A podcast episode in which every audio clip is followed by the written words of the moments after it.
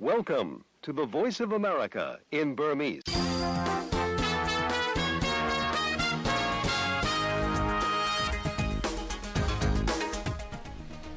မင်္ဂလာမနက်ခင်းပြကြပါလိမ့်ခင်ဗျာ။ VOA American တန်ရဲ့2024ခုနှစ်ဖေဖော်ဝါရီလ9ရက်တောက်ကြနေ့မနက်ခင်းအစီအစဉ်ကို American ပြည်ထောင်စု Washington DC မြို့ကနေလိုင်းနိုမီတာ30နဲ့49လိုင်းလက်မီတာ190ကနေစတင်ထုတ်လွှင့်နေပါပြီ။ ဒီအစီအစဉ်ကို VOA ရဲ့ Facebook, YouTube စာမျက်နှာကပါရုပ်သံအဖြစ်နဲ့တိုက်ရိုက်ရှုစားနိုင်ပါတယ်။ကျွန်တော်ညံဝင်းအောင်ပါဒီကနေ့မနက်ခင်းအစီအစဉ်တွေကိုတာဝန်ယူတင်ဆက်သွားမှာဖြစ်ပါတယ်ဗျာ။ဂါဇာမှာအစ္စရေးနဲ့ဟာမတ်စ်တို့အကြားအပြစ်ခတ်ရစဲမှုရရှိရေးကြိုးပမ်းဖို့အရှိလေပိုင်းခီးစဉ်သွားခဲ့တဲ့အမေရိကန်နိုင်ငံခြားရေးဝန်ကြီးဟာ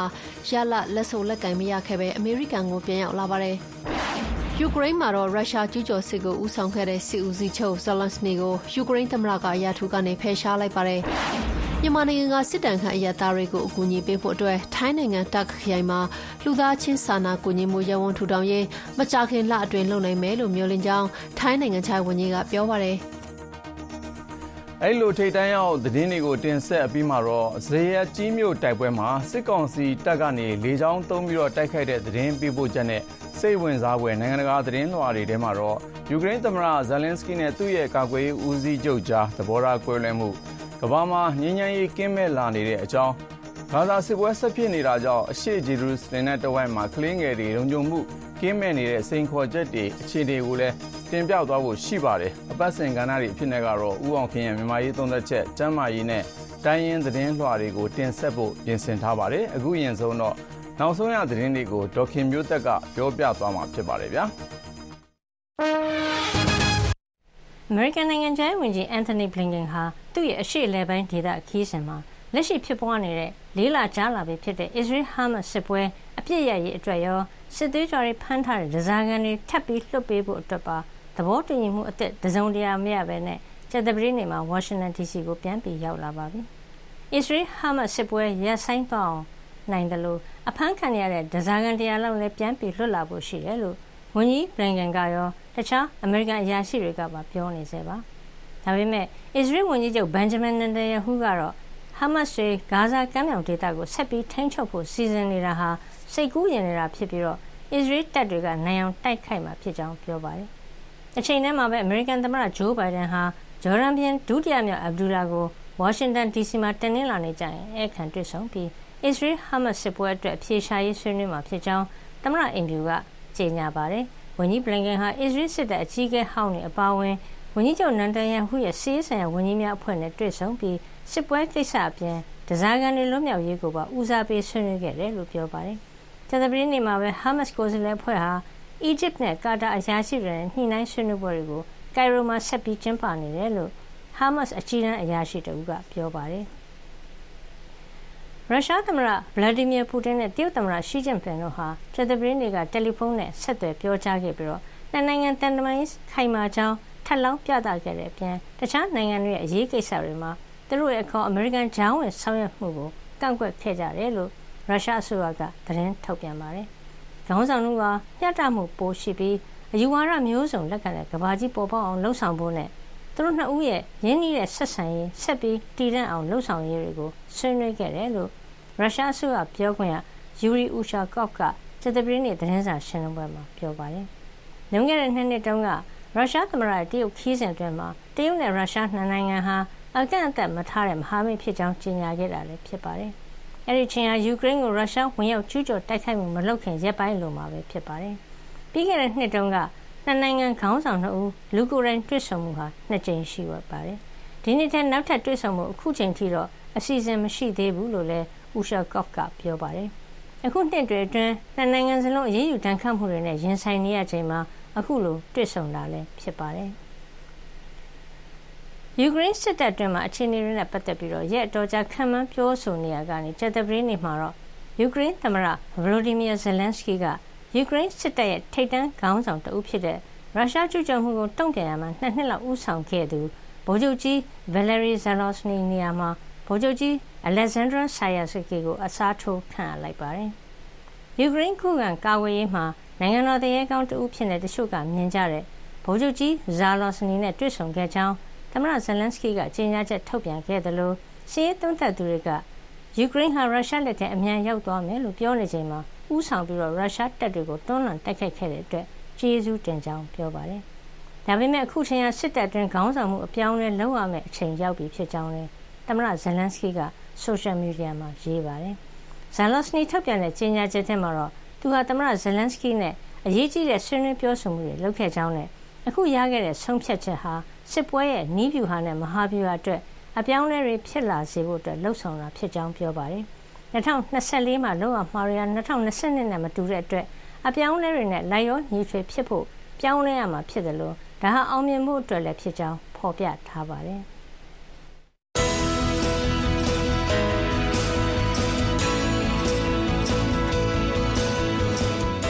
VOA American အတန်းမနေ့ဖက်မြန်မာဘာသာအစီအစဉ်တွေကိုမနေ့6နာရီကနေ9နာရီထိလိုင်းဒိုမီတာ32 kHz 9335နဲ့9383ညလိုင်းဒိုမီတာ49 kHz 6153ညပထမနာရီဝက်မှာလိုင်းလံမီတာ190 kHz 1505တို့ကနေပြီးတော့ထုတ်လွှင့်ပေးနေပါတယ်ခင်ဗျာ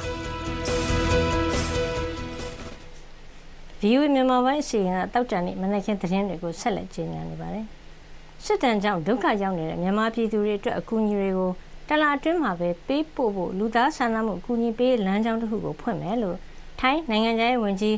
ပရမ်ပရီဘဟိန္ဒနုကာရကပြောပါတယ်။ထိုင်းနိုင်ငံမြောက်ပိုင်းတက်ခရိုင်တွေကစခန်းချလှုပ်ဆောင်မှုစီစဉ်ထားတဲ့နေရာမှာစစ်ဆေးမှုတွေလုပ်ပြီးချိန်မှာအခုလိုပြောခဲ့တာလည်းဖြစ်ပါတယ်။မြန်မာနိုင်ငံတလွှာလူသားစာနာမှုအကူအညီလိုအပ်သူ1.6တန်းလောက်ရှိမယ်လို့ကုလသမဂ္ဂကခန့်မှန်းထားတာပါ။ဒါကြောင့်အခုထိုင်းဘက်ကအဆိုပြုပြီး မြန်မာနဲ့တခြားအာဆီယံအဖွဲ့ဝင်နိုင်ငံတွေကသဘောတူထားတဲ့အစီအစဉ်ဟာပမာဏအားဖြင့်သေးငယ်လှတယ်လို့ဒုက္ခတဲ့အနေချင်းအတွက်ပဲကာမိနိုင်မှာလည်းဖြစ်ပါတယ်။မြန်မာနိုင်ငံမှာစစ်တပ်အာဏာသိမ်းထားတာ၃နှစ်ထဲဝင်လာနေပြီဖြစ်ပြီးနေရာအတော်များများမှာတော့တိုက်ပွဲတွေဖြစ်ပွားနေပြီးတော့အခုဆိုအာဏာသိမ်းမှုဆန့်ကျင်သူတွေတိုင်းဒေသလက်နက်ကိုင်တွေနဲ့တွဲပြီးဒီမိုကရေစီရေးတိုက်ပွဲဝင်နေသူတွေကနေရာအတော်များများကိုထိန်းချုပ်လာနိုင်ပြီဖြစ်ပါတယ်။အခုပေးရမယ့်အစီအစဉ်ဟာကနဦးအဖြစ် အိုးရင်ရွှေ့ပြောင်းနေထိုင်ရသူ2000လောက်အတွက်ပဲပေးဝေနိုင်တယ်လို့ထိုင်းတာဝန်ခံအရာရှိတွေကပြောပါတယ်မြန်မာနိုင်ငံကနေဘင်္ဂလားဒေ့ရှ်ဘက်ကိုထွက်ပြေးခိုလုံလာတဲ့မြန်မာနေကြားဆောင်တပ်သားတွေရဲ့အန်ဒီယာကင်းကင်းနဲ့အမြန်နေရပြန်နိုင်ရေးကိုဦးစားပေးပြီးဆောင်ရွက်သွားမှာဖြစ်ကြောင်းဘင်္ဂလားဒေ့ရှ်နိုင်ငံသားရေးဌာနကချက်ဇပရီနေမှာပြောကြားလိုက်ပါတယ်။သူတို့တွေကိုအန်ဒီယာကင်းကင်းနဲ့အမြန်ပြန်ပြီးပို့နိုင်တဲ့အတွက်အခုချိန်မှာဦးစားပေးပြီးလှုပ်ဆောင်နေပေမဲ့ သူတို့ကိုလေကြောင်းကပြန်ပို့မလားရေကြောင်းကပြန်ပို့ရမလားဆိုတာကိုတော့မသိသေးဘူးလို့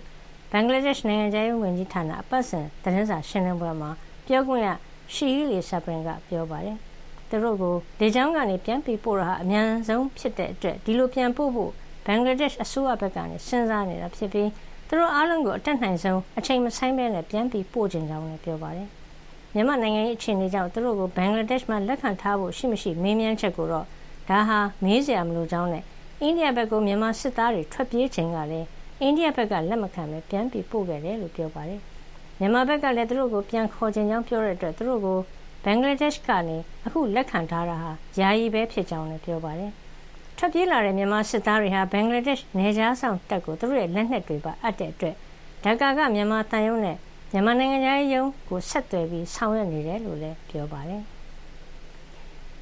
ဖေဖော်ဝါရီလ10ရက်စနေနေ့မှာကြာရောက်မဲ့တရုတ်နှစ်တကူပွဲအမီနေရပြန်ကြသူတရုတ်နိုင်ငံသားကတန်ပေါင်းယာနဲ့ချီရှိနေတာဖြစ်ပြီးဇာတပရိနိကတော့တရုတ်နိုင်ငံဘေကျင်းမြို့တော်ကမီယထာဘူဒါယုံကြီးမှာတော့ခီးသွားတွေနဲ့ပြည့်ရှံနေပါတယ်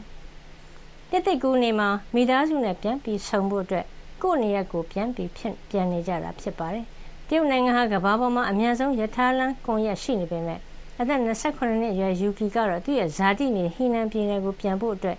သူအလုပ်လုပ်နေတဲ့ကုမ္ပဏီကနေနိုင်ပေါင်း20ကျော်ယထာစီရမှာပါအခုလိုတရုတ်နှစ်တကူအားလိုက်ရက်တွေအတွင်းဆိုရင်တော့တရုတ်နိုင်ငံမှာခီးသွားလာမှုအများဆုံးရက်တွေဖြစ်နေရက်ပေါင်း40လောက်ကိုသတ်မှတ်ထားတာပါပြည်ရင်းခီးစဉ်သွားလာသူဟာလူပေါင်းတန်း9000ရှိနေပြီးစံချိန်တင်လောက်အောင်ကိုဖြစ်သွားတယ်လို့တရုတ်အစိုးရသတင်းမှာဖော်ပြထားပါတယ်ဒီထဲမှာ80ရာခိုင်နှုန်းလောက်က ကိုကားကိုမောင်းပြီးခီးသွားကြတာဖြစ်ပါတယ်။ရက်ပေါင်း40အတွင်းဒီခီးသွားရာသီအတွင်းတရုတ်နိုင်ငံတလွှားမှာယထာနဲ့ခီးသွားသူကတန်ပေါင်း480လောက်ရှိနေပြီးဒါမနစ်က2023ကတဲ့စာရင်38ရာခိုင်နှုန်းလောက်ခုန်တက်သွားတာလည်းဖြစ်ပါတယ်။ Direct from Washington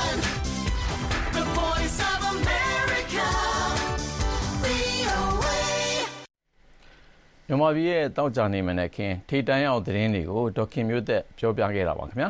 VOA ကနေအခုထုတ်လွှင့်နေတဲ့ဒီအစီအစဉ်ကို burmese.voanews.com အင်တာနက်စာမျက်နှာမှာလည်းကျွန်တော်တို့ထုတ်လွှင့်နေတဲ့တပြိုင်နက်တည်းမှာပဲတိုက်ရိုက်လာရောက်ရှုစားနိုင်ပါတယ်အပတ်စဉ်ကဏ္ဍတွေမတိုင်ခင်ပဲခူးတိုင်းဘက်ကတိုက်ပွဲအခြေအနေကိုကြည့်အောင်ပါ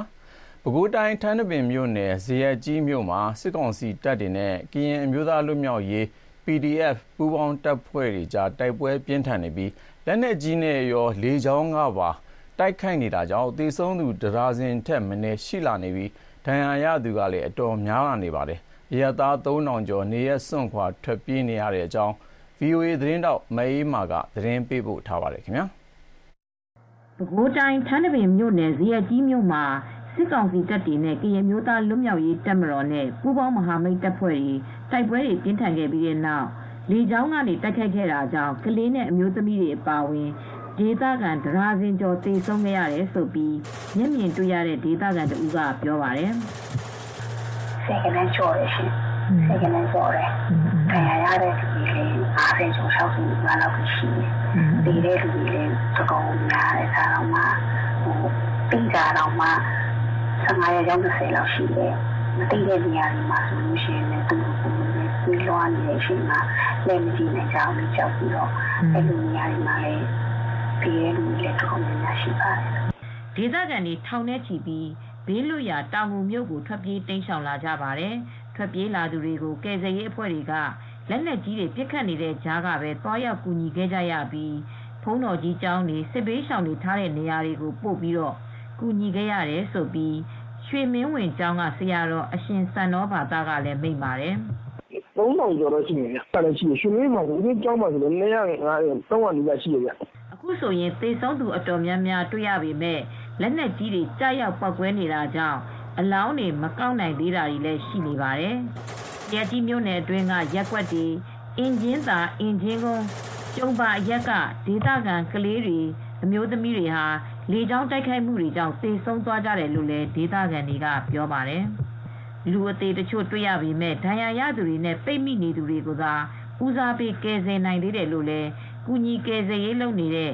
ရွှေမင်းဝင်ကျောင်းကဆရာတော်ကထပ်ပြီးတော့မိန့်ပါတယ်။လူဒီပြောကတော့မရှာနိုင်သေးဘူးဗျတယောက်ပဲတွေ့သေးရဲ့ဗျမရှာနိုင်သေးဘူးဗျဘာလို့ရှာနိုင်လဲဆိုတော့ဟိုဟိုကျင်းကဖြစ်လို့လေရှားမှခက်ခဲနေရောလေ ဆန္ဒကလည်းကြာနေရောလေဘယ်နဲ့မသိရဘူးဗျဒီတော့အခုတော့အဒီအဒီအဒီမြတ်ပြည်မြတ်တွေလို့ပြောတာမရှာနိုင်သေးလို့လေကျောင်းရမယ်တည်မိရဲ့ဗျဘယ်နဲ့ဒီလိုလဲပြည့်ခံလို့ထင်တယ်ဆိုတော့ဒီကြပါဆိုတော့အခုလိုအဲ့လိုမချနိုင်ဘူးရဟိုဒီလိုမျိုးလက်ရှိဟိုပြည်ရဲတယ်မကူနိုင်ဘူးဒီလိုနိုင်ဘယ်ဘယ်နဲ့ပါလီမနာလို့လက်ပြီးတိုင်းမနာလို့အဲ့လိုနိုင်တယ်လို့ပို့ပြီးရပြစီးရုံနေတော့ဘူးဒီလိုမျိုးရပြဒီလိုဘာဒီလိုရလဲဒီလိုဒီလိုရတာဒီဒီလိုတပ်ဘက်ကပြည်ပြည်ဘက်ကမှနေ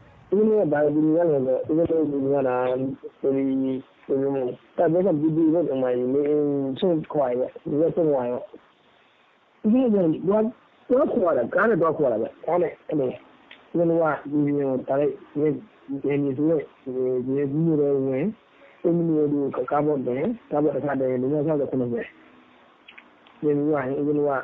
အဲ နေရွာထိကိုဒီမျိုးကလမ်းထိကိုဝင်လာရှာမမြင်ရဒီရနေပြီးတော့အဲကားတိတ်ကြီးရပြန်ကဲထုတ်အောင်အဲ့လိုကဲထုတ်တာဗျ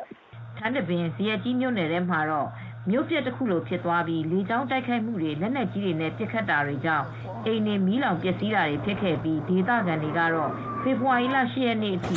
နေရစွန့်ခွာထွက်ပြေးနေရဆဲဖြစ်ပါတယ်ရှင်။ VOA သတင်းတော့မအေးမာရဲ့သတင်းပေးပို့ချက်ဖြစ်ပါတယ်။အခုတော့ဒီယူကရိန်းပြည်တွင်းနိုင်ငံရေးအခြေအနေကိုလည်းကြည့်အောင်ပါ။ ယူကရိန်းမှာ သမ္မတဇယ်လန်စကီနဲ့ ကာကွယ်ရေးဦးစီးချုပ်ဘာလရီဇာလိုရှနေတို့ကြားမှာ သဘောထား ကွဲလွဲမှုတွေကြောင့် ရုရှားကျူးကျော်စစ်ကို ခုခံတိုက်ခိုက်နေတဲ့ ယူကရိန်းရဲ့ စွမ်းရည် ထိခိုက်လာမှာကို စိုးရိမ်မှု တိုးလာနေပါတယ်။နောက်ဆုံးသတင်းအရဆိုရင် ကာကွယ်ရေးဦးစီးချုပ်နေရာကို အစားထိုးတာ အပါအဝင် ယူကရိန်း စစ်ဘက်ခေါင်းဆောင်မှု အပြောင်းအလဲ လုပ်မယ်ဆိုပြီး ယူကရိန်းသမ္မတက ကြေညာထားပါတယ်။ကိဗ်မြို့တော်ကနေအန်နာချာနီကိုဗာသတင်းပေးပို့ထားတာကို ကိုဇော်မှုကျော်က တင်ပြမှာပါ။ ယူကရိန်းရဲ့ဥဆောင်မှုအပိုင်းမှာ သဘောထားကွဲလွဲမှုနဲ့ အားပြိုင်မှုတွေ ဖြစ်ပေါ်နေတယ်ဆိုတဲ့ သတင်းတွေ ထွက်ပေါ်နေချိန်မှာပဲ နိုင်ငံရေးဆိုင်ရာ အမေရိကန် ဒုတိယနိုင်ငံခြားရေးဝန်ကြီး Victoria Nuland ဟာ Kyiv မြို့တော်ကို ဒီလထဲမှာပဲ နောက်ထပ်တစ်ကြိမ် သွားရောက်ပါတယ်။အခုလို သွားရောက်တာဟာ အမေရိကန်အစိုးရအနေနဲ့ ယူကရိန်းကို ဆက်လက်ကူညီဖို့ အခိုင်အမာရှိကြောင်း ပြသတာဖြစ်ပါတယ်။ As hard as these days are I will tell you that အခုလိုခက်ခဲတဲ့နေ့ရက်တွေမှာကျမပြောလိုတာကတော့ယူကရိန်းဟာအရင်နှစ်ဆောင်းရာသီကျမရောက်တုန်းကတည်းအခုခါမှာပိုးပြီးတောင့်တင်းခိုင်မာလာတယ်လို့ပိုးပြီးကြံ့ကြံ့ခံနိုင်စွမ်းရှိလာပါတယ်လုံခြုံရေးနဲ့ပတ်သက်ပြီးရင်းနှီးမြှုပ်နှံမှုအသစ်တွေလက်နက်နီးစနစ်အသစ်တွေအပါအဝင်ကဏ္ဍအားလုံးအတွက်ဆက်လက်ပြီးထောက်ပံ့သွားပါမယ်ဒုတိယနိုင်ငံသားရေးဝန်ကြီး Victoria Newland ရောက်ရှိနေချိန်မှာယူကရိန်းဥဆောင်မှုအတွင် အင်အားစုတွေ ကွဲလဲနေတဲ့အချိန်နဲ့ တိုက်ဆိုင်နေပါတယ်။သမရဇာလင်စကီနဲ့ ကာကွယ်ရေးဦးစီးချုပ်ဗာလေရီဇာလိုရှနေတို့အကြား အကွဲအပြဲဟာ ဖုံးလို့ဖိလို့မရတော့ဘဲ လူသိရှင်ကြားဖြစ်လာပါတယ်။ဇာလိုရှနေကို တာဝန်ကနေ ဖယ်ရှားပစ်မယ်လို့ သမရဇာလင်စကီကအမေရိကန်အစိုးရတာဝန်ရှိသူတွေကို အကြောင်းကြားခဲ့ပါတယ်။ယူကရိန်းရဲ့ အတွင်းပိုင်းမတည်ငြိမ်မှုအန္တရာယ်ဟာ မြင့်မားနေပြီး ဒုတိယနိုင်ငံခြားရေးဝန်ကြီးနျူလန်းရောက်ရှိလာတာဟာလည်းမဟာမိတ်တွေရဲ့စိုးရိမ်ပူပန်မှုကိုဖော်ပြတာဖြစ်နိုင်တယ်လို့အရပ်ဖက်အဖွဲ့အစည်းများဆိုင်ရာလေ့လာရေးအဖွဲ့ရဲ့ညွှန်ကြားရေးမှူး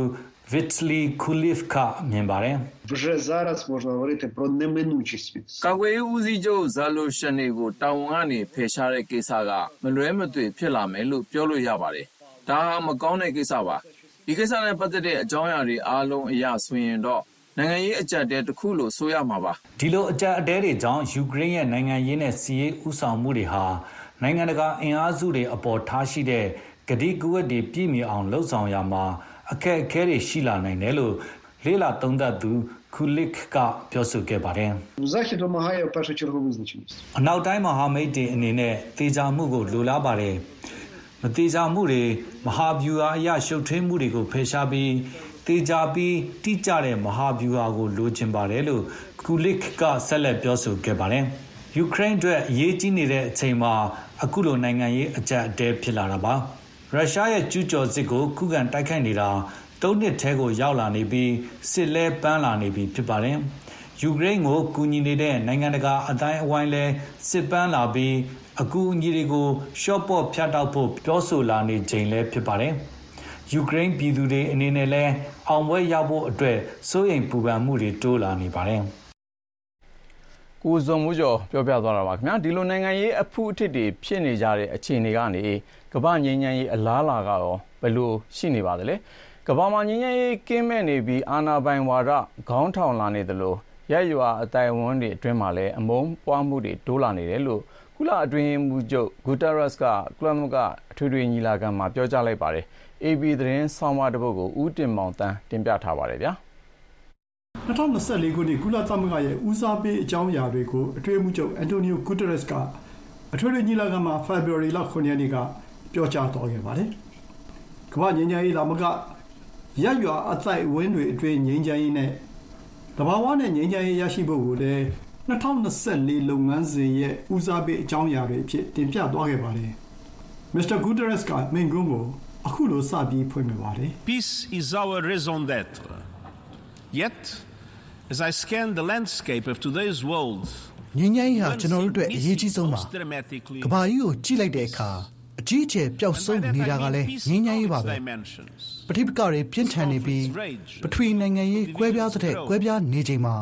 ကမ္ဘာငြိမ်းချမ်းရေးကအချင်းချောက်ခံရပါတယ်။ နှချမ်းအကွဲကနှဆိုင်လာပြီးလူအခွင့်အရေးကိုတက်ချေနင်းလိုက်တဲ့အခါရက်ရွာအတိုင်းဝိုင်းတွေတွင်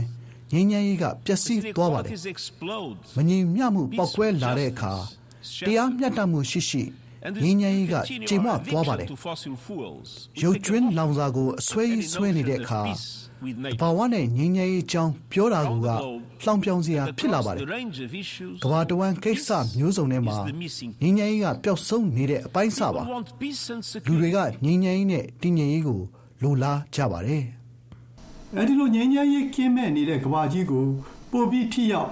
အားလုံးပါဝင်ပြန်လည်စတင်တဲ့ဘတ်စုံဘဟုဝါဒဖြစ်ပေါ်လာအောင်အပြန်အလှန်သက်ရောက်အားတွေနဲ့အားထုတ်လှုပ်ဆောင်နေတာကိုသူတွေ့ရှိရပါတယ်လို့လည်းမစ္စတာကူဒရက်စ်ကပြောပါတယ်။ Excellencies, for millions of people caught up in conflict around the world, ကိုယ်စားလှယ်တော်ကြီးများခင်ဗျာကဘာတဝမ်းပြိပခါတဲ့ပိတ်မိနေကြတဲ့လူတန်းပေါင်းများစွာအတွက်ဘဝကသေလူလူနေ့တူဝဆာလောင်မွတ်သိမ့်နေရတဲ့ငရဲကန်းဖြစ်နေပါတယ်လုံညုံရာကိုရှာဖို့အတွက်စံချိန်ဖြစ်သွားတဲ့လူကြီးပမာဏဟာသူတို့အိမ်တွေကထွက်ပြေးနေကြရပါတယ်ညီညာကြီးကိုသူတို့ငိုကြွေးတောင်းဆိုနေကြပါတယ် သူတို့ကို ကျွန်တော်တို့ နားထောင်ကြပြီးလောက်ကင်ကြရပါမယ် ဟာမတ်စ်က အစ္စရေးကို အောက်တိုဘာ9ရက် တိုက်ခိုက်တာရော ပါလက်စတိုင်းပြည်သူတွေပေါ် ပြစ်ဒဏ်ခတ်တယ်လို့တိုက်ခိုက်နေတာတွေကိုပါ မှန်ကန်မျှတကြောင်း ဘာစင်ကြီးမှ ပေးလို့မရပါဘူးလို့လည်း ကုလသမဂ္ဂတွင်းမှုချုပ်က ဆိုပါတယ် If countries fulfill their obligations under the charter တ ကယ်လို့တိုင်းပြည်တွေက ကုလသမဂ္ဂပြည်ညမှာပါတဲ့ တာဝန်ဝတ္တရားတွေကို လိုက်နာကြမယ်ဆိုရင် ငြိမ်းချမ်းရေးနဲ့ ဂုဏ်သိက္ခာဆိုင်ရာ လူတိုင်းရဲ့ အခွင့်အရေးက အာမခံချက်ရှိမှာပါ။ဒါပေမဲ့ အစိုးရတွေကလစ်လျူပြုနေကြပါတယ်။ဘက်စုံ ဗဟုဝါဒကို တာဝန်ခံမှုမရှိ ဖျက်ဆီးနေကြပါတယ်။ကမ္ဘာငြိမ်းချမ်းရေးကိစ္စတွေကို မူလဗုဒ္ဓဖြည့်ရှင်းရနေရာ ကုလသမဂ္ဂလုံခြုံရေးကောင်စီဟာ ပထဝီနိုင်ငံရေးအကွဲအဟတွေနဲ့ ဘာမှလုပ်မရတဲ့နေရာ ဖြစ်နေပါတယ်။ကောင်စီမှာ ကွဲနေတာ ဒါ ပထမဆုံးအချိန်မဟုတ်ပေမဲ့အဆိုးဆုံးတော့ ဟုတ်ပါတယ်။ဒီကနေ့ အလုံးမဖြစ်တာက ပိုလို့နှက်ဆိုင်လာပြီး ပိုးအန်ရဲ့ကြီးမားလာပါတယ်။ငင်းကြရေးကရရွာအသိုက်ဝန်းတွေအတွင်းမှာပါ လိုအပ်နေတာကိုလည်း အတွင်းမှုချုပ်ကမြင့်မထားခဲ့ပါဘူး။ပြင်သစ်လို အခုလို ဆက်ပြောပါတယ်။ Nous avons également besoin de paix au sein même des communautés ရက်ရွာအတိုင်းဝိုင်းတွေထဲမှာလည်းငြိမ်းချမ်းရေးလိုအပ်ပါတယ်အမုန်းစကားတွေခွဲခြားမှုတွေအစွန်းရောက်အယူတွေလူအခွင့်အရေးချိုးဖောက်မှုတွေတိုးများလာတာကြောင့်ကဘာတဝမ်းရက်ရွာအတိုင်းဝိုင်းတွေကြားမှာလည်းကွဲလာနေကြပါတယ်လူမျိုးရေးနဲ့အမုန်းစကားတွေအားကောင်းလာသလိုအာဏာပိုင်ဝါဒကြီးထွားလာတာနဲ့အတူခွဲခြားစိတ်ဆာရေးခွဲခြားဆက်ဆံရေးအပါအဝင် လူခွင့်ရေးချိုးဖောက်မှုတွေများလာတာကြောင့်ရက်ရွာအသိုက်ဝန်းတွေတွင်ငြိမ်းချမ်းရေးကင်းမဲ့လာတာကိုကုလသမဂ္ဂတွဲမှုချုပ်ကထောက်ပြပါပါတယ်ဒီလိုဘာကြောင့်ဖြစ်ရတယ်လဲဆိုတော့ကိုလည်းမစ္စတာကူတရက်စ်ကအခုလိုပြောပါတယ်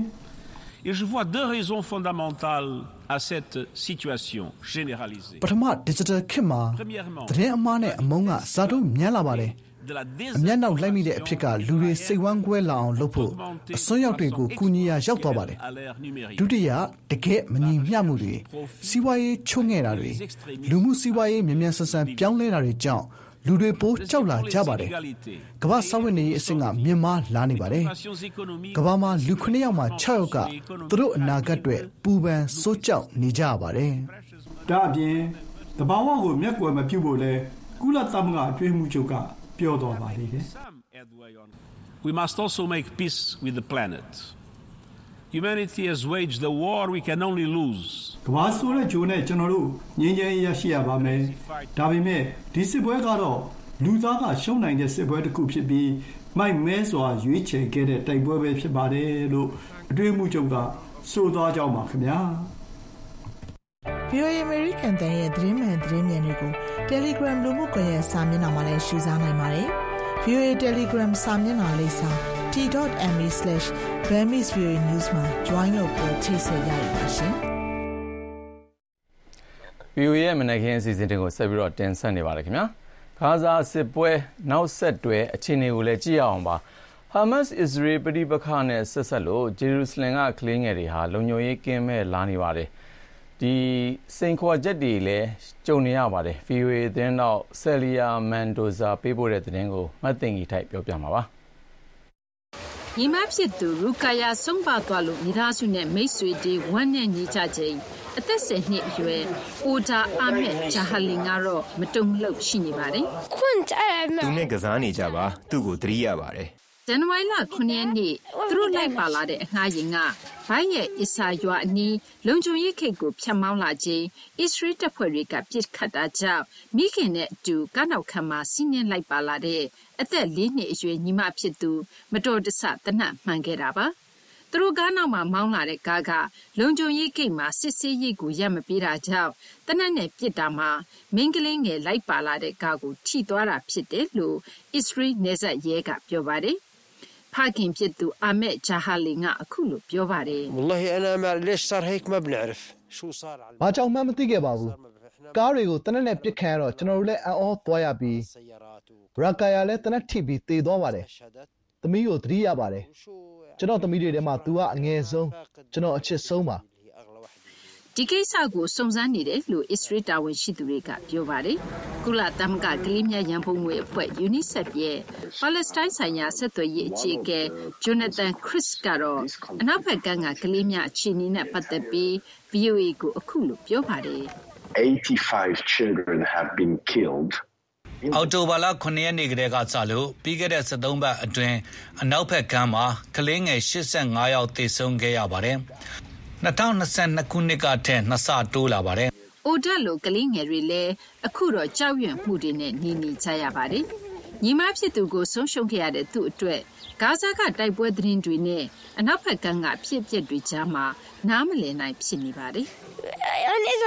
ရေမှာဆုံးရင်သေသွားမှာပေါ့။ဘာကြောင့်လဲဆိုတော့သူတို့ကကျောင်းတွေ၊တက္ကသိုလ်တွေနဲ့ဆေးရုံတွေကိုဗုံးကြဲနေကြပါတယ်။အာမက်ကလည်းအခုလိုပြောပါတယ်။ဖျက်ဆီးမှုတွေ၊စစ်ပွဲတွေနဲ့သတ်ဖြတ်မှုတွေဟာဆိုရင်ကလေးတွေရဲ့ငယ်ဘဝကိုပျက်စီးစေတဲ့အကြောင်းရင်းဖြစ်ပါတယ်။အနီးစပ်ဆုံးဥပမာပေးရရင်ကျွန်တော့်သမီး၊နောက်ဂါဇာက၊ဂျနီင်းက၊ပါလက်စတိုင်းကကလေးငယ်တွေဖြစ်ပါတယ်။သေနတ်ပစ်ခတ်မှုတွေကိုမြင်တွေ့ဖူးပြီး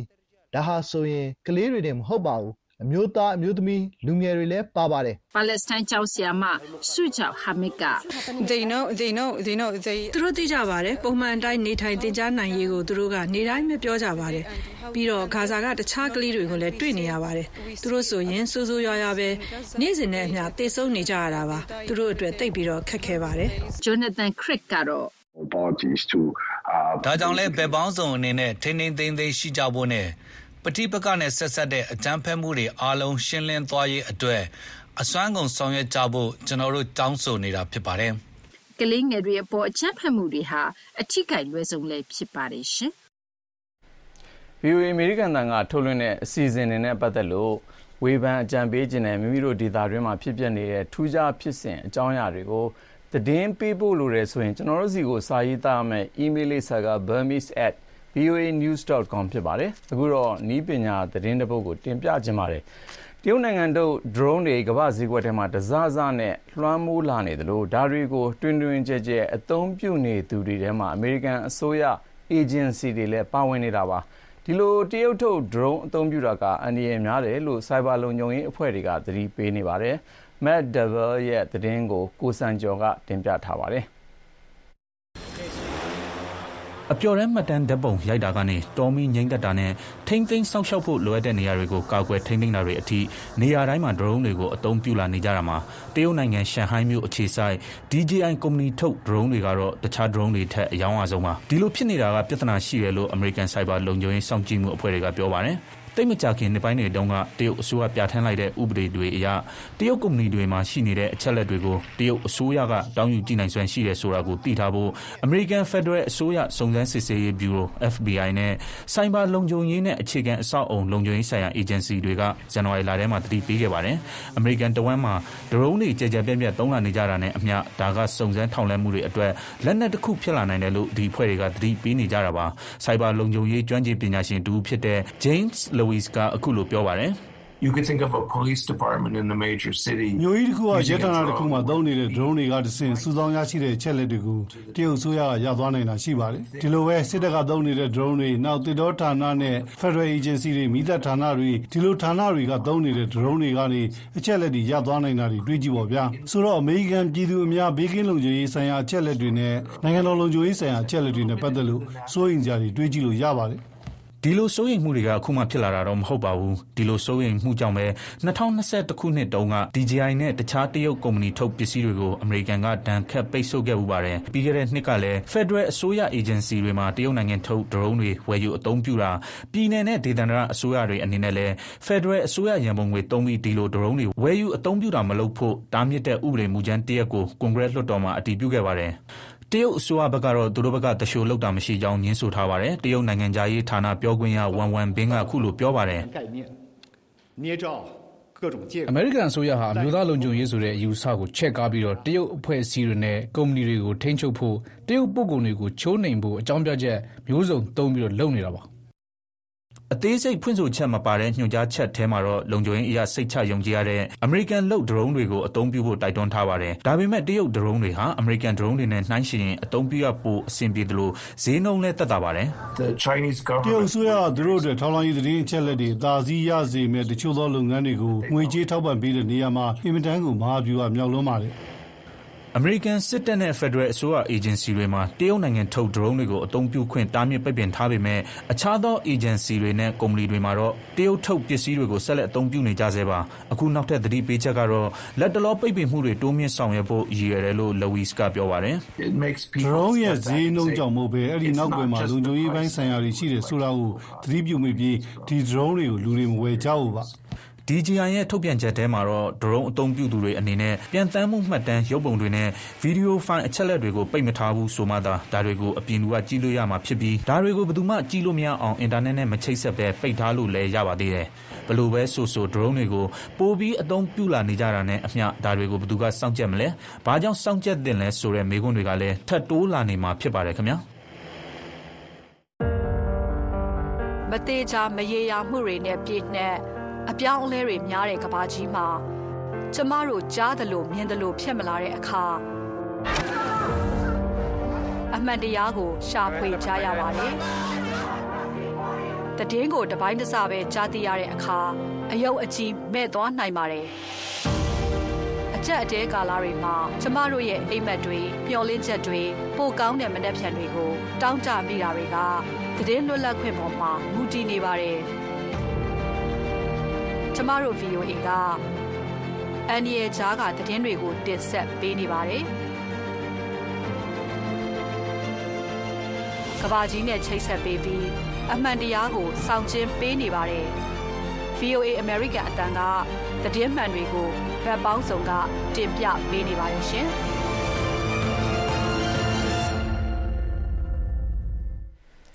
မင်္ဂလာမနက်ခင်းဖြစ်ပါစေခင်ဗျာ။ VOA အမေရိကန်တန်ရဲ့ မြန်မာပြည်တောက်ကြနေမနေ့ခင်အစီအစဉ်တွေကိုလိုင်းနိုမီတာ3049 VOA ရဲ့ Facebook, YouTube, Website တို့ကပါ ဆက်တိုက်ပြီးဆက်ပြီးတော့ဓာတ်ရိုက်ထုတ်လွှင့်နေတာ ဖြစ်ပါတယ်။အခု ဒုတိယပိုင်းနိုင်ဝဲအတွင်းမှာတော့ဥအောင်ခင်ရဲ့ မြန်မာရေး သုံးသက်ချက် အပတ်စဉ်ကဏ္ဍနဲ့ စတင်နေပါတယ်။စစ်ကောင်စီတပ် ပြိုကွဲသွားနိုင်မဲ့လမ်းစာတွေ ပေါ်လာနေပြီလားဆိုပြီးဥအောင်ခင်က သုံးသက်ရေးသား တင်ပြထားပါတယ်ခင်ဗျာ။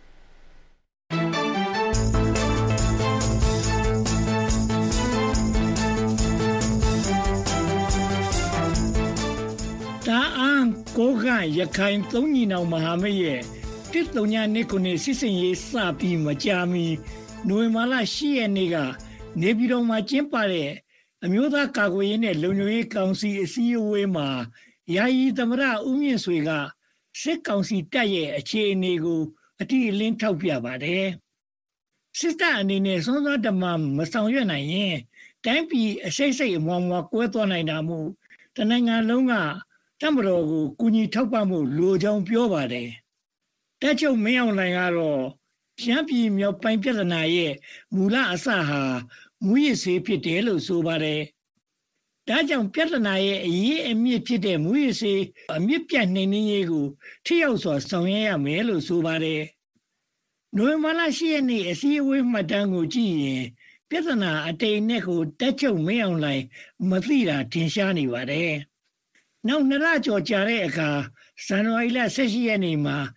စစ်တပ်အလိုတော်ကြီးမဘတသင်္ကန်းဝတ်တွေနဲ့ကြက်ဖွတ်တွေစုပေါင်းပြီးတက်ချုပ်မင်းအောင်လှိုင်ယာရုကထွက်ပေးဖို့ဆန္ဒပြတောင်းဆိုကြပါတယ်။လောက်ကန်အခြေဆိုင်ဒေသကိုကဲမှုစစ်ဌာနချုပ်တစ်ခုလုံးဇန်နဝါရီလ9ရက်နေ့ကလက်နက်ချအညံ့ခံလိုက်တာဟာ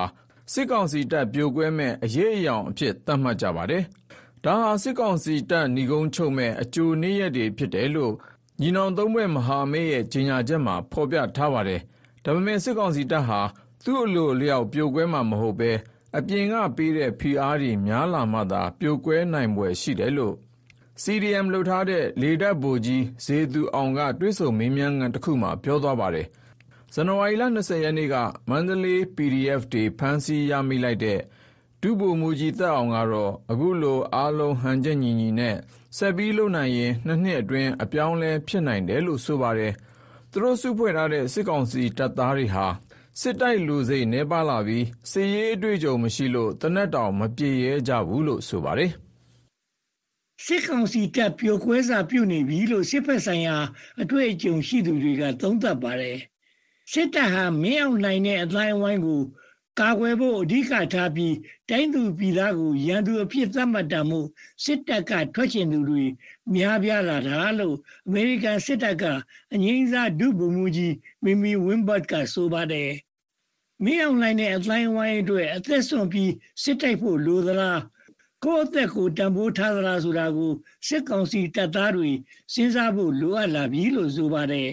။စစ်မှုထမ်းကအသက်ပေးတယ်ဆိုတာနိုင်ငံအတွက်နဲ့ ပြည်သူလူထုအတွက်အသက်ပေးတာဖြစ်ပါတယ်။လူတစုအတွက်မဟုတ်ဘူးလို့ဆိုပါတယ်။2024ကမ္ဘာစစ်အင်အား Global Firepower စင်းမှာနိုင်ငံပေါင်း145နိုင်ငံရဲ့စစ်အင်အားကိုနှိုင်းယှဉ်တင်ပြထားပါတယ်။အဲဒီထဲမှာအမေရိကန်ကပထမအဆင့်ရှိပြီးရုရှားကဒုတိယတရုတ်ကတတိယဖြစ်ပါတယ်။မြန်မာကအဆင့်35စင်ကာပူကအဆင့်30ထိုင်းကအဆင့်25စသဖြင့်သတ်မှတ်ပါတယ်။ စစ်သားဦးရေ စစ်လက်နက်ပစ္စည်း ငွေကြေးအင်အား ထောက်ပို့အင်အား စတာတွေပေါ်မှာ အခြေခံပြီး တွက်ချက်ထားတာပါ စစ်လက်နက်ပစ္စည်းမှာ စင်ကာပူက မြန်မာထက် အဆင့်မြင့်ပုံရပါတယ် အများအပြား ဝယ်ယူထားတဲ့ စစ်လက်နက်ပစ္စည်းတွေ စစ်ကောင်စီတပ် လက်နက်ချတဲ့အခါမှာ တွေ့နိုင်ပါတယ် လက်နက်ခဲယမ်းတွေ ရှိနေပေမဲ့စိတ်ဓာတ်ကြဆင်းနေတာကို အစုလိုက်အပြုံလိုက် လက်နက်ချ အညံ့ခံနေတာက သက်သေပြသလို ဖြစ်နေပါတယ် စစ်ကောင်းဆောင်ပိုင်းက အလွဲသုံးစားလှုပ်ထားတာတွေ များလာတဲ့အတွက် စစ်တပ်တွင်း အယုံကြည်ကင်းမဲ့လာတာ ဖြစ်ပုံရပါတယ်။စစ်ကောင်စီတပ်မှစစ်ရင်အားချိနဲ့ကြက်တဲလာတာဟာ ပြိုကွဲပျက်စီးမဲ့လက္ခဏာ ဖြစ်တယ်လို့2023ဒီဇင်ဘာလထုတ်မြန်မာ Peace Monitor စာဆောင်က သုံးသပ်ပါတယ်။ရာဇဝတ်မှု ကျူးလွန်ပြီး စစ်တပ်က ထွက်ပြေးတဲ့ တပ်ပြေးတွေ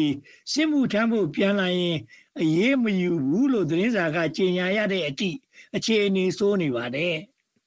စည်းကမ်းဖောက်ဖျက်မှုနဲ့ထောင်ကျနေတဲ့စစ်သားတွေကိုလည်းလွှတ်ပေးပြီးစစ်မှုထမ်းခိုင်းတာကြောင့်စစ်ကောင်စီတပ်မှလက်နက်ကင်တကိုးတမျှအများအပြားပါဝင်လာပါတယ်။2023နိုဝင်ဘာလအထိဖြစ်တဲ့တနစ်ခွဲအတွင်းမှာစစ်ကောင်စီတပ်သားတလောင်းကျော်သေဆုံးပြီး600ကျော်ဒဏ်ရာရရှိက600ကျော်အဖမ်းခံရတယ်လို့ဆိုပါတယ်။ကရင်ပြည်နယ်မှာလွန်ခဲ့တဲ့နှစ်ကစစ်ကောင်စီတပ်နဲ့ကရင်တော်လှန်ရေးတပ်တွေ တိုက်ပွဲ4600ကျော်ဖြစ်ပွားလို့စစ်ကောင်စီဘက်က9000ကျော်သေဆုံးပြီး3000ကျော်ဒဏ်ရာရရှိကြောင်းဇန်နဝါရီလ17ရက်နေ့ထုတ် KNU ဗဟိုသတင်းဌာနကထုတ်ပြန်ပါတယ်စစ်ကောင်စီတပ်သားတွေတောင်းနဲ့ချီသေဆုံးပြီးအုပ်စုလိုက်ရာထောင်ချီပြီးလက်နက်ကန်နေရမှုစစ်တီအင်အားပြုံးတီးလာတာထင်ရှားပါတယ်စစ်ကောင်စီတပ်မှစိတ်သက်ပြပြပြီးတဲ့ရီခိုက်ရီကြာဆင်းလာတာဟာ စစ်တပ်ပြိုကွဲပျက်စီးမဲ့အရေးလက္ခဏာတွေဖြစ်ပြောင်းစီရေးလေးလာသူတွေကသုံးသပ်ကြပါတယ်ခင်ဗျာ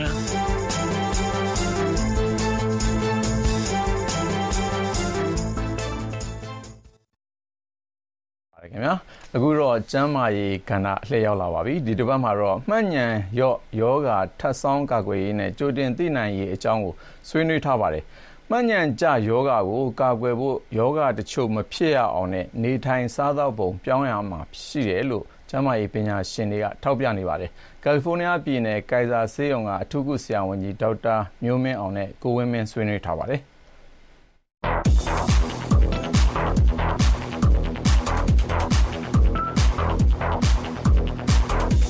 ဟုတ်ကဲ့တမတော်ကြီးဒေါက်တာမျိုးမင်းအောင်ခင်ဗျာကျွန်တော်တို့ဒီမန်ရှာမှတ်ဉဏ်ချတငယ်ပြန်ယောဂက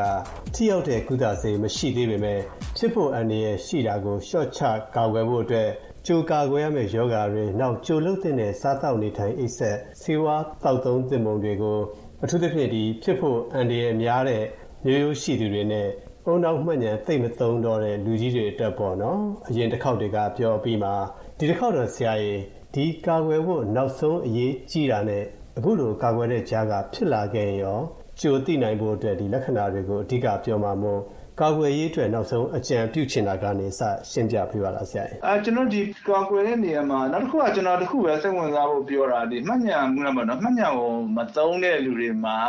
ပညာရေးအကြောင်းဖြစ်ဖြစ်အငြင်းစားပြုလို့မှတ်ဉာဏ်မသုံးတဲ့လူတွေမှာပို့ပြီးတော့မှတ်ဉာဏ်အားနည်းဖို့ဖြစ်တတ်တယ်လို့ပဲကျွန်တော်တစ်ခုထပ်ပြောချင်တာတော့ တရားထိုင်တာပေါ့နော်ကျွန်တော်ဗုဒ္ဓဘာသာဝင်တွေတော့သိမှာပါ meditation ပေါ့နော်ဒီဝိပဿနာရှုတဲ့ဟာမျိုးကလည်းကျွန်တော်တို့ထပ်ပြီးတော့သုတေသနတွေမှာကျွန်တော်ထပ်တွေ့ထားတာပေါ့နော်ဆိုတော့ကျွန်တော်တို့ဒီမိတ်ဆွေတွေမှာဒီပိုင်းဝိုင်းမှာလည်းတွေ့မိပါမယ်တချို့ဒီစက်တော်ကြီးဝါတော်ကြီးထုံးတဲ့သံဃာတော်တွေက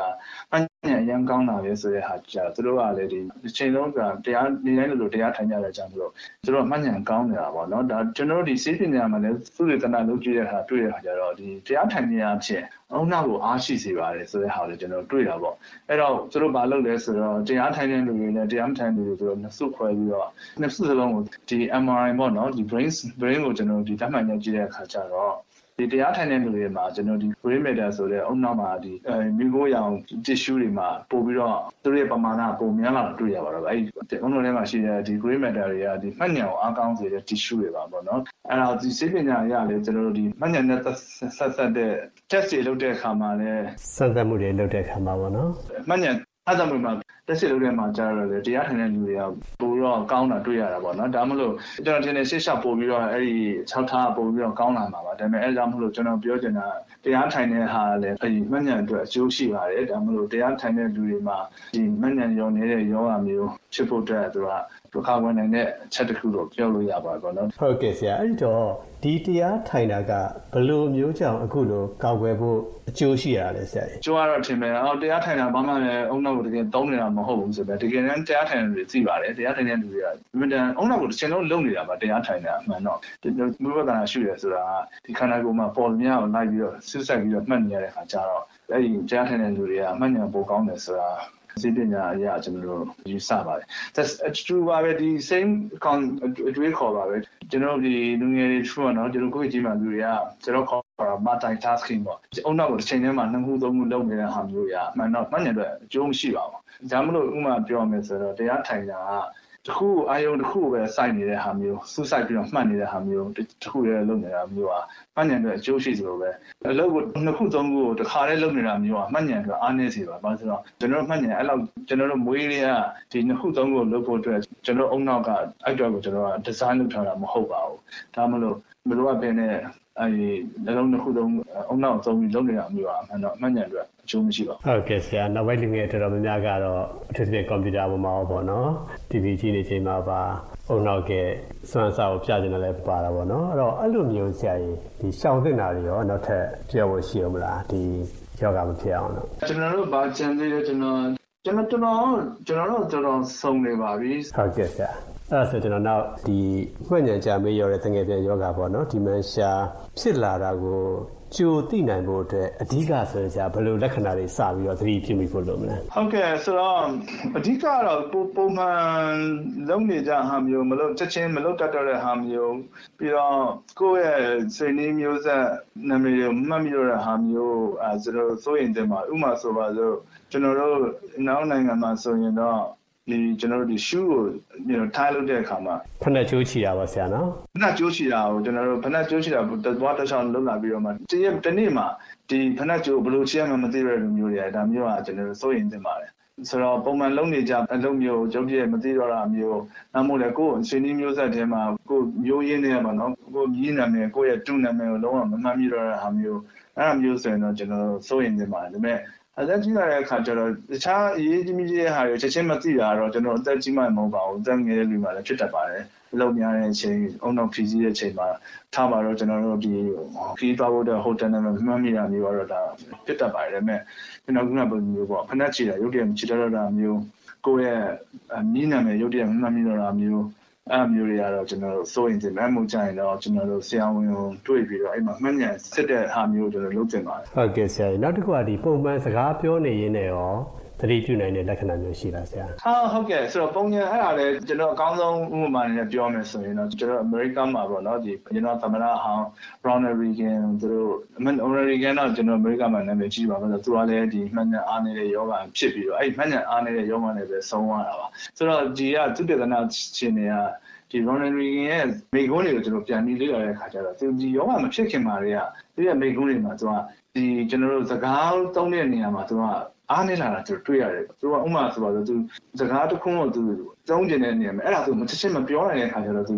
အချွေတွေစကားမျိုးကိုသူတုံးလိုက်တာပေါ့နော်သူဒီအဲ့စကားပြောတဲ့နေရာမှာဟိုကသူကအမှန်ဉာဏ်မကောင်းဘူးသူပြောကျင်တဲ့တတ်တတ်မမအတိပ္ပယ်ရှိတဲ့စာလုံးကိုရှာမတွေ့လို့ပါဆရာနော်အတိပ္ပယ်ရှိတဲ့စာလုံးကိုရှာမတွေ့ရသူစာလုံးကိုတွန်းနေတဲ့စာလုံးကိုရှာမတွေ့တဲ့အခါကျတော့သူတို့တခြားစာလုံးနဲ့သူတို့အစားတူပြီးတုံးနေရတာပေါ့ ဟိုဝဝဝဝအစားလုံးမျိုးနဲ့သူတို့အစားထိုးတဲ့အခါကျတော့အဲဒါကြောင့်မလို့ဒီပြီးတော့ကိုယ်စကား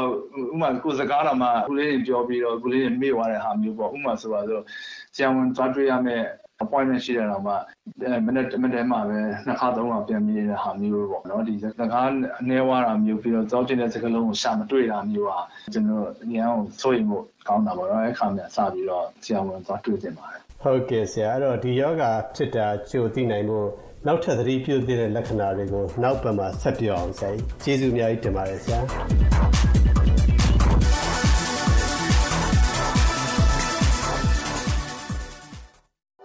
သတင်းမှန်တွေရဖို့အရေးကြီးတဲ့ဒီကနေ့ခေတ်မှာကမ္ဘာကြီးရဲ့ဘယ်ရက်ဒေသမှာပဲရောက်နေပါစေခလုတ်တစ်ချက်နှိပ်လိုက်ရုံနဲ့သတင်းမှန်တွေရယူနိုင်ပါပြီလက်ဖြားလေးနဲ့တစ်ချက်တောက်ရုံနဲ့ရယူနိုင်မဲ့သတင်းတွေနိုင်ငံရေးဖြစ်စဉ်တွေတကယ်ဘဝဇက်လန်းတွေ one click ခလုတ်တစ်ချက်နှိပ်ရုံနဲ့ကမ္ဘာရဲ့ရက်ကအတန်တွေကိုချိတ်ဆက်နားဆင်နိုင်မှာဖြစ်ပါတယ်ဘယ်ချိန်ဘယ်နေရာကပဲဖြစ်ဖြစ် VOA Plus application ကို download ရယူပါ VOA ရဲ့အစီအစဉ်တွေကိုဆက်ပြီးတော့ထုတ်လွှင့်နေပါတယ်ခင်ဗျာ VOA ကထုတ်လွှင့်ပြီးသမျှသတင်းတွေအပတ်စဉ်ကဏ္ဍတွေနဲ့ဗီဒီယိုသတင်းတွေကို VOA ရဲ့ website စာမျက်နှာအပြင် VOA ရဲ့ Facebook, Telegram, Instagram, X စတဲ့ social media တွေမှာလည်းအပြည့်အစုံတင်ထားပေးတာမို့တွားရောက်ရှုစားဖတ်ရှုနိုင်ပါတယ်အခုတော့တိုင်းရင်းသားဒေသတွေမှာလူအခွင့်အရေးချိုးဖောက်ခံရတဲ့အကြောင်းတွေကို Fever ဝိုင်းတော်သားတွေစူးစီးတင်ဆက်တဲ့တိုင်းရင်းသတင်းလွှာအစီအစဉ်ကိုနားဆင်နိုင်ပါပြီ။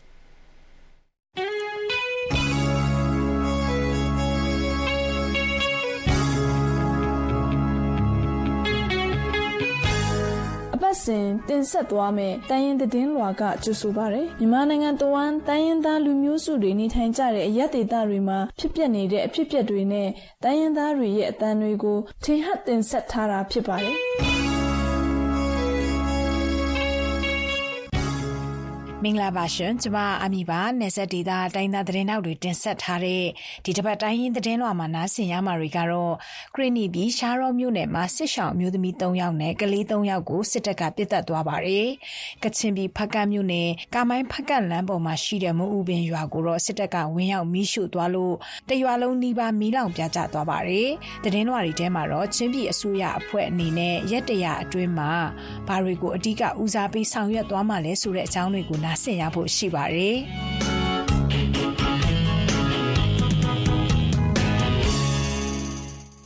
ကျမကနန်းဟော်မရှင်တရင်တွေကိုကိုရောဘတ်နဲ့အတူတင်ဆက်ပြီးသွားမှာပါ။ကရင်နီပြည်ရှားတော်မြို့နယ်မှာနေရစွန့်ခွာထွက်ပြေးနေရတဲ့စစ်ဆောင်ဒုက္ခသည်အမျိုးသမီး3ယောက်နဲ့ကလေး3ယောက်ကိုစစ်ကောင်စီတပ်ကတနင်္လာနေ့မှာပြစ်တက်သွားပါတယ်။အသက်ခံရသူတွေထဲကိုဝန်ဆောင်မိခင်တယောက်လည်းပါဝင်ပြီးကလေး3ယောက်ကလည်းအရန်ငယ်နေသေးတယ်လို့ဒေသတွင်းတရင်ရင်းမြစ်ကပြောပါတယ်။တနင်္ဂနွေနေ့ကစစ်ကြောင်းထိုးလာတဲ့စစ်ကောင်စီတပ်ဖွဲ့ဟာစစ်ဘေးရှောင်ကလေးတွေနဲ့ကိုဝန်ဆောင်အမျိုးသမီးအပါဝင်9ယောက်ကိုလူသားတိုင်းကအဖြစ် ဖမ်းဆီးသွားပြီးနောက်6ယောက်ကအသက်ခံလိုက်ရတာ ဖြစ်ပါတယ်။အမျိုးသားတယောက်ကတော့ ထွက်ပြေးလွတ်မြောက်လာတယ်လို့ ဆိုကြပါတယ်။ကချင်ပြည် ဖားကန့်မြို့နယ် ကာမိုင်းဖားကန့်လမ်းမပေါ်မှာရှိတဲ့ မအူပင်ရွာကိုဗိုလ်ချုပ်နေ့ မနေ့ပိုင်းမှာ စစ်တပ်က ဝင်ရောက်မီးရှို့ခဲ့လို့ တရွာလုံးနှီးပါမီးလောင်ပြကျသွားပါတယ် စစ်ကောင်စီစစ်ကြောင်းရွာထဲကိုဝင်လာလို့ရွာသားအများစုကတော့ဘေးလွတ်ရာကိုထွက်ပြေးနေကြပါတယ်။ဒါ့အပြင်မီးရှို့ခံရတဲ့ရွာကဒေသခံ၁၀ယောက်လောက်ကိုတော့စစ်ကြောင်းဝင်လာချိန်ဖမ်းဆီးစစ်ဆေးခဲ့ပြီးအဲဒီနေ့ညနေမှာပဲပြန်လွှတ်ပေးခဲ့တယ်လို့ဒေသခံတယောက်ကပြောပါတယ်။တိုက်ပွဲဖြစ်တာမရှိဘဲ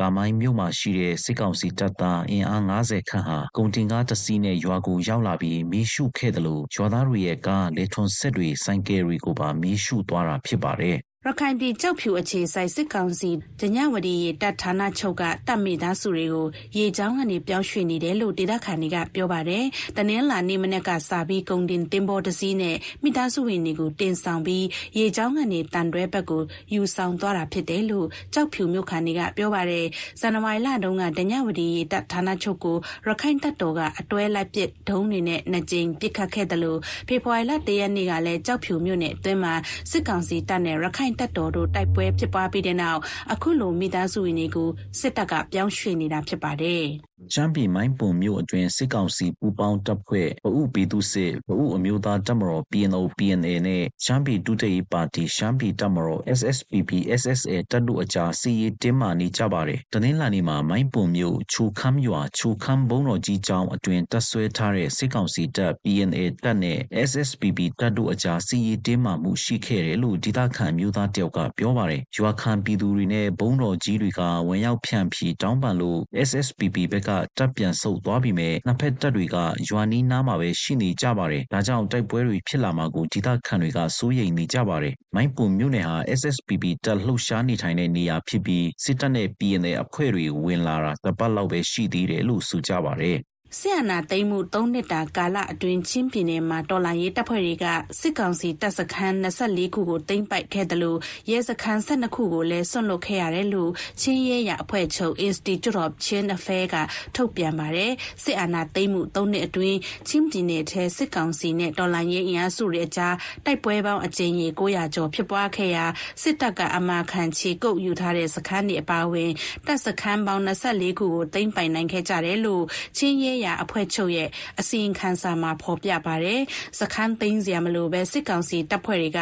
အလိုအလျောက်စွန့်သွားတဲ့ရဲစခန်းကလည်းချင်းပြည်နယ်မှာ12ခုအထိရှိခဲ့တယ်လို့ဆိုပါတယ်။ဒါကိုကြည့်ချင်းအပြင်ချင်းပြည်နယ်အတွင်းနယ်မြေ85ရာခိုင်နှုန်းကျော်ကိုချင်းတော်လိုင်းရေးအင်အားစုတွေကထိန်းချုပ်နိုင်ပြီဖြစ်တယ်လို့ချင်းရဲရအဖွဲ့ချုပ် ICA ကဆိုပါတယ်။ မွန်ပြည်နယ်နဲ့တနင်္သာရီတိုင်းနယ်စပ်ရေးတောင်ပိုင်းနဲ့ရေဖြူမြို့နယ်မြောက်ပိုင်းအစပ်မှာလှုပ်ရှားနေတဲ့နိုင်ပညာဦးစီးတဲ့ရာမညတပ်ဖွဲ့ဝင်10ယောက်ဟာလက်နက်ခုနှစ်လက်ကြီးစံတွေနဲ့အတူမွန်ပြည်သစ်ပါတီနဲ့လာရောက်ပူးပေါင်းခဲ့ပါတယ်။တနင်္လာနေ့မနေ့စောစောမှာအမည်မသိလက်နက်ကင်အဖွဲ့ကရာမညတပ်ဖွဲ့ကိုမှတ်မထင်လာရောက်တိုက်ခိုက်ခဲ့တဲ့နေရာမှာတပ်ဖွဲ့ဝင်2ယောက်သေဆုံးတနက်နှစ်လက်ဆုံးရှုံးခဲ့တာကြောင့်မွန်ပြည်သစ်ပါတီအမှတ်2တပ်ရင်းထဝဲခရိုင်ကိုလာရောက်ပူးပေါင်းခဲ့တာလို့မွန်ပြည်သစ်သတင်းစင်မှာဖော်ပြပါတယ်။ဆီယနာသိမ်းမှုအပြီးစစ်ကောင်စီကိုတိုက်ခိုက်တဲ့မွန်ခွဲထွက်ရမညတပ်ဖွဲ့ပေါ်ပေါက်လာခဲ့ပြီးအဖွဲ့ခေါင်းဆောင်နိုင်ချမ်းစုသူကပြီးခဲ့တဲ့နှစ်စက်တင်ဘာလထဲလှုပ်ကြံခံရလို့တေဆုံးခဲ့ပြီးနောက်နိုင်ပညာကဆက်ဦးဆောင်ကလှုပ်ရှားခဲ့တာဖြစ်ပါတယ်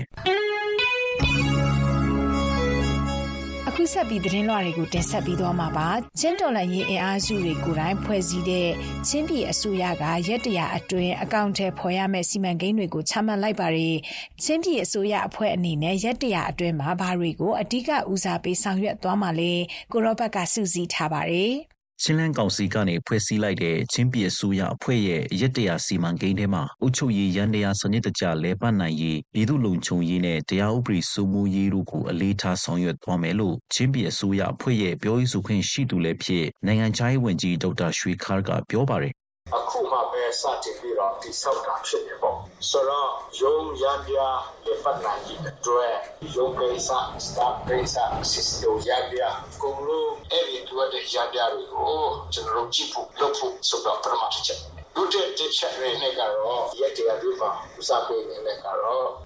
အုပ်ချုပ်ရေးရတရားတွေပတ်ဖို့နဲ့တရားဥပဒေစိုးမိုးရေးကိုကျွန်တော်တို့ကဇောင်းပေးပြီးတော့လုပ်ဖို့ ချင်းပြည်အစိုးရဖွဲ့ရဲ့ပထမအကြိမ်အစည်းအဝေးကိုဖေဖော်ဝါရီလ2ရက်နေ့ကနေ3ရက်နေ့အထိကျင်းပပြုလုပ်ခဲ့ရာဝင်ကြီးချုပ်ဝင်ကြီးတွေနဲ့ရှင်းနေချုပ်အပါအဝင်14ယောက်တက်ရောက်ခဲ့ပြီးဒီရက်တရာစီမံကိန်းကိုချမှတ်နိုင်ခဲ့ကြတာဖြစ်ပါတယ်။ဒီနယ်အတွင်းပညာရေး၊ကျန်းမာရေး၊လူသားချင်းစာနာထောက်ထားရေးနဲ့ပြန်လည်ထူထောင်ရေးစီသည်ဝန်ထမ်းအရေးတွေကိုထိရောက်စွာဆောင်ရွက်နိုင်ရေးအတွက်ပြည်တွင်းပြည်ပကလူသားချင်းစာနာထောက်ထားရေးလုပ်နေတဲ့ NGO INGO အဖွဲ့အစည်းတွေနဲ့လည်းပူးပေါင်းဆောင်ရွက်နိုင်ရေးတွဲဆုံဆွေးနွေးသွားမယ်လို့ဒေါက်တာရွှေခါကပြောပါတယ်ဥပမာပညာရေးကဏ္ဍဆိုလို့ရှိရင်ပညာရေးမူဝါဒသူ့ဆွေးနွေးပွဲ workshop ပါဟိုမော်ရာတွေချမှတ်နိုင်ဖို့အတွက်လောက်ကြမယ်ဆိုပြီးတော့အဲ့လိုမျိုးစီစဉ်အားလာတော့ရှိပါတယ်ဟုတ်ကဲ့စီဒီမော်ထိုင်းရကိစ္စကကျွန်တော်တို့တင်ပေါ်တဲ့နေရာတိုင်းမှာအလုပ်နော်အလုပ်ခထားနိုင်ကျွန်တော်တို့ကအမော်ရာချမှတ်ထားတာပေါ့ အဲ့ဒါတော့ချင်းတိုင်းကောင်စစ်ကနေချမှတ်ထားတဲ့ဟာဆိုတော့အဲ့ဒါကိုအစိုးရကနေအကောင့်ထဲပေါ်ဖို့ချင်းပြည်အစိုးရတဲ့အနေနဲ့အမျိုးသားညီညွတ်ရေးအစိုးရ NUG Federal Unit အစိုးရတို့နဲ့ပါပူးပေါင်းလုပ်သွားမယ့်အပြင်ကုလသမဂ္ဂအပါအဝင်နိုင်ငံတကာအစိုးရအဖွဲ့အစည်းတွေဒေသဆိုင်ရာအဖွဲ့အစည်းတွေအိန္ဒိချင်းနိုင်ငံအစိုးရတွေနဲ့လည်းမိတ်ဖက်ဆက်ဆံရေးကိုတိစောက်သွားမယ်လို့ဆိုပါတယ်။ထမအကြိမ်ချင်းပြည်လွှတ်တော်အစည်းအဝေးကနေလည်းရက်တရာစီမံကိန်းကိုချမှတ်နိုင်ခဲ့ကြပြီးချင်းပြည်လွှတ်တော်ဥပဒေဒေသန္တရအုပ်ချုပ်ရေးဥပဒေကာကွယ်ရေးဥပဒေတွေကိုပြဋ္ဌာန်းနိုင်ရေးအတွက်ဆောင်ရွက်သွားမယ်လို့ဆိုပါတယ်ခင်ဗျာစစ်ကောင်စီကအာဏာသိမ်းကာလနောက်ထပ်6လသက်တမ်းတိုးလိုက်တာဟာလုံးဝအလျှော့မပေးတဲ့အနေအထားဖြစ်ပြီးထိုးစစ်တွေပိုများလာနိုင်တယ်လို့မွန်ပြည်နယ်ဘက်ကိုပါစစ်ပွဲတွေကူးဆက်လာမှာဖြစ်တယ်လို့သုံးသပ်ပြောဆိုမှုတွေရှိနေပါတယ်။ဒီကြောင်းကိုတော့ရမရတင်ဆက်ထားပါတယ်။အာနာသိန်း၃နှစ်ပြည့်ချိန်မှာစစ်ကောင်စီဥက္ကဋ္ဌကနောက်ထပ်သက်တမ်း6လထပ်တိုးလိုက်တာဖြစ်ပါတယ်။ စစ်ကောင်စီဘက်ကလုံးဝအလျှော့မပေးတဲ့အနေအထားဖြစ်လို့တိုက်ပွဲတွေပိုများလာနိုင်တယ်လို့မွန်ပြည်ဖို့ဖြည့်စင်တာ MSDC ဒါရိုက်တာနိုင်ပညာမောင်ကပြောပါတယ်ဒါကဟိုအလျှော့မပေးတဲ့သဘောပေါ့နော်ရှော့ပေးနေထားမျိုးဖြစ်တယ်နော်ဒီဘက်ကလည်း true system ပဲဟိုထိတွေ့မှုတွေကပုံများလာမယ့်အနေထားမျိုးဖြစ်တယ်ကျွန်တော်ပြင်းထန်လာတဲ့အနေထားမျိုးဖြစ်တဲ့ခါကျတော့ကျွန်တော်မုံပြီးနေဘလို့ကူးဆက်လာတဲ့စစ်တမ်းကိုကြိုတင်ကာကွယ်ဖို့လိုမယ်လို့ကျွန်တော်ယူဆတယ် ကိုမှရှိတဲ့အစုအဖွဲ့တွေနဲ့နှိစက်ရနှိစက်အစုအဖွဲ့နဲ့ကိုရက်တွေတိဆောက်တော့ဟိုတကူကူဖြစ်ရင်ဘလို့အကူအညီပေးကြမလဲတက်ကြီးရဟိုဒီ create ငယ်ဘလို့ပုံစံမျိုးနေရာချမလဲအဲ့ဒီပုံစံမျိုးကစားချင်တယ်ဟို plan တွေဘလို့အသေးချာစီစဉ်ဖို့လိုမယ်ထင်တယ်အာနာသိန်း၃နှစ်တာကာလမှာမွန်ပြည်နယ်အတွင်းစစ်ကောင်စီတပ်နဲ့တော်လာရေးအားစုတွေကြားထိတ်တွေ့ပစ်ခတ်မှုပေါင်းအကြိမ်460ထက်မနည်းဖြစ်ပွားခဲ့တယ်လို့ဖေဖော်ဝါရီလဆန်းထုတ်လကွန်းအိမ်စာစင်ကရေးသားဖော်ပြထားပါတယ်။ 2023ခုနှစ်တည်းမြန်မာနိုင်ငံရဲ့တောင်ပိုင်းမှာ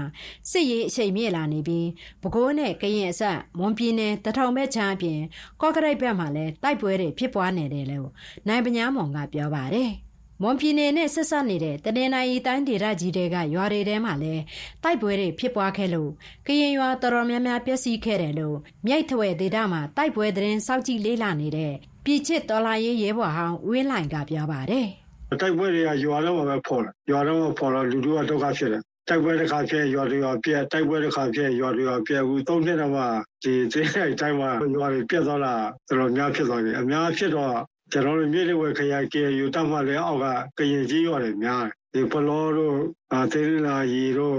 အဓိကတိုက်ပွဲဖြစ်တဲ့နေရာတွေပါလေမြန်မာကြီးရွာတွေဆိုတော့တော်တော်နည်းတယ်ကရင်ကြီးရွာပဲအများဖြစ်ပျက်စီးတာများတယ် စစ်တပ်ရဲ့အာဏာသိမ်းမှုကြောင့်နိုင်ငံအတွင်းလူဦးရေ2တန်းခွဲကျော်အိုးအိမ်စွန့်ခွာထွက်ပြေးနေရပါတယ်။လူ18တန်းကျော်ကတော့အကူအညီလိုအပ်နေတယ်လို့ဥရောပသမဂ္ဂနဲ့အမေရိကန် UK အပါအဝင်နိုင်ငံရှင်းနိုင်ငံတို့ကအာဏာသိမ်း3နှစ်ပြည့်တဲ့ဖေဖော်ဝါရီလ3ရက်နေ့မှာပူးတွဲကြေညာချက်ထုတ်ပြန်ထားပါတယ်။ အခုဆက်ပြီးသတင်းချင်းချုပ်ကိုနားဆင်ကြရမှာပါရှင်။ကရင်နီပြည်ရှားတောမြို့နယ်မှာစစ်ရှောင်မျိုးသမီး3ယောက်နဲ့ကလေး3ယောက်ကိုစစ်တပ်ကပစ်တက်သွားပါတယ်။ကချင်ပြည်ဖားကတ်မြို့နယ်ကမိုင်းဖားကတ်လမ်းပေါ်မှာရှိတဲ့မအူပင်ရွာကိုစစ်တပ်ကဝင်ရောက်မိရှို့ခဲ့လို့တရွာလုံးနီးပါးမိလောင်ပြကျသွားပါတယ်။ တော်ရရှင်တွေကုနာဆင်နေကြကြတာကတော့နေဆက်ဒီသားတိုင်းသားသတင်းထောက်တွေကနေအပတ်စဉ်တင်ဆက်ပေးနေတဲ့တိုင်းရင်သတင်းလွှာပဲဖြစ်ပါတယ်။နောက်သတင်းပတ်အစီအစဉ်မှာပြန်ဆောင်ကြရအောင်ပါရှင်။ကျွန်မအာမီပါ။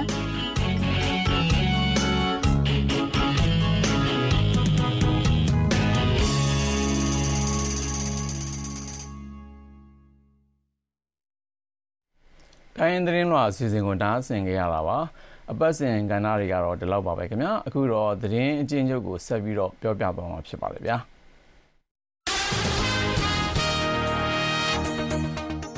အမေရိကန်နိုင်ငံသားရေးဝန်ကြီးဘလင်ကန်ဟာသူ့ရဲ့အရှိလေပိုင်းဒေတာခီးစဉ်အတွင်းလေးလကြာနေပြီဖြစ်တဲ့အစ္စရေးဟာမတ်စစ်ပွဲအပြစ်ရရေးအတွက်ရောစစ်သွေးကြွတွေဖမ်းထားတဲ့ဒဇာကန်တွေနောက်ထပ်ပြန်လှုပ်ပေးရေးအတွက်ပါသဘောတူညီမှုတစုံတရာအသစ်မရရှိဘဲဝါရှင်တန် DC ကိုပြန်လည်ရောက်ရှိလာပြီဖြစ်ပါတယ်။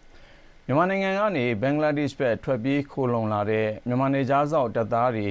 အန္တရာယ်ကင်းကင်းနဲ့နေရပ်အမြန်ပြန်နိုင်ရေးကိုဦးစားပေးဆောင်ရွက်သွားမယ်လို့ဘင်္ဂလားဒေ့ရှ်နိုင်ငံခြားရေးဝန်ကြီးဌာနကကြာသပတေးနေ့မှာပြောပါတယ်။သူတို့ကိုလေကြောင်းကနေပြန်ပို့မလား၊ရေကြောင်းကနေပြန်ပို့ရမလားဆိုတာကိုတော့မသိသေးကြောင်းဘင်္ဂလားဒေ့ရှ်နိုင်ငံခြားရေးဌာနကပြောပါတယ်။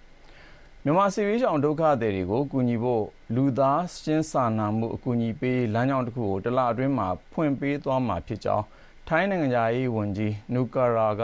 ပြောကြားလိုက်ပါတယ်။ထိုင်းမြန်မာနယ်စပ်ထပ်ခရိုင်တဲ့စကမ်းချလှုပ်ဆောင်မှုစီစဉ်ထားတဲ့နေရာမှာစစ်ဆေးမှုတွေလုပ်ပြီးချိန်မှာအခုလိုပြောလိုက်တာဖြစ်ပါတယ်ဗျာ။တောက်ကြနေမနက်ခင်းအတွက်နောက်ဆုံးရသတင်းတွေတဲကအချင်းချုပ်ဖြစ်ပါတယ်။ဒီကနေ့မနက်အစီအစဉ်ထုတ်လွှင့်မှုကကိုဇော်မိုးကျော်ဖြစ်ပြီးတော့ရုပ်သံပိုင်းဆိုင်ရာအတန်လွှင့်ဒရိုက်တာကတော့ James Smith ဖြစ်ပါတယ်။ VOA အမေရိကန်တန်ရဲ့မနက်ခင်းအစီအစဉ်တွေကိုမနက်6နာရီနဲ့9နာရီအထိလိုင်းနိုမီတာ30နဲ့40ကိုလိုင်းလမီတာ190ကပါတင်ဆက်ခဲ့တာပါ VOA ကိုအားပေးကြည့်ရှုနားဆင်တဲ့အတွက်ကျေးဇူးပါကျွန်တော်ညံဝင်းအောင်ပါခင်ဗျာ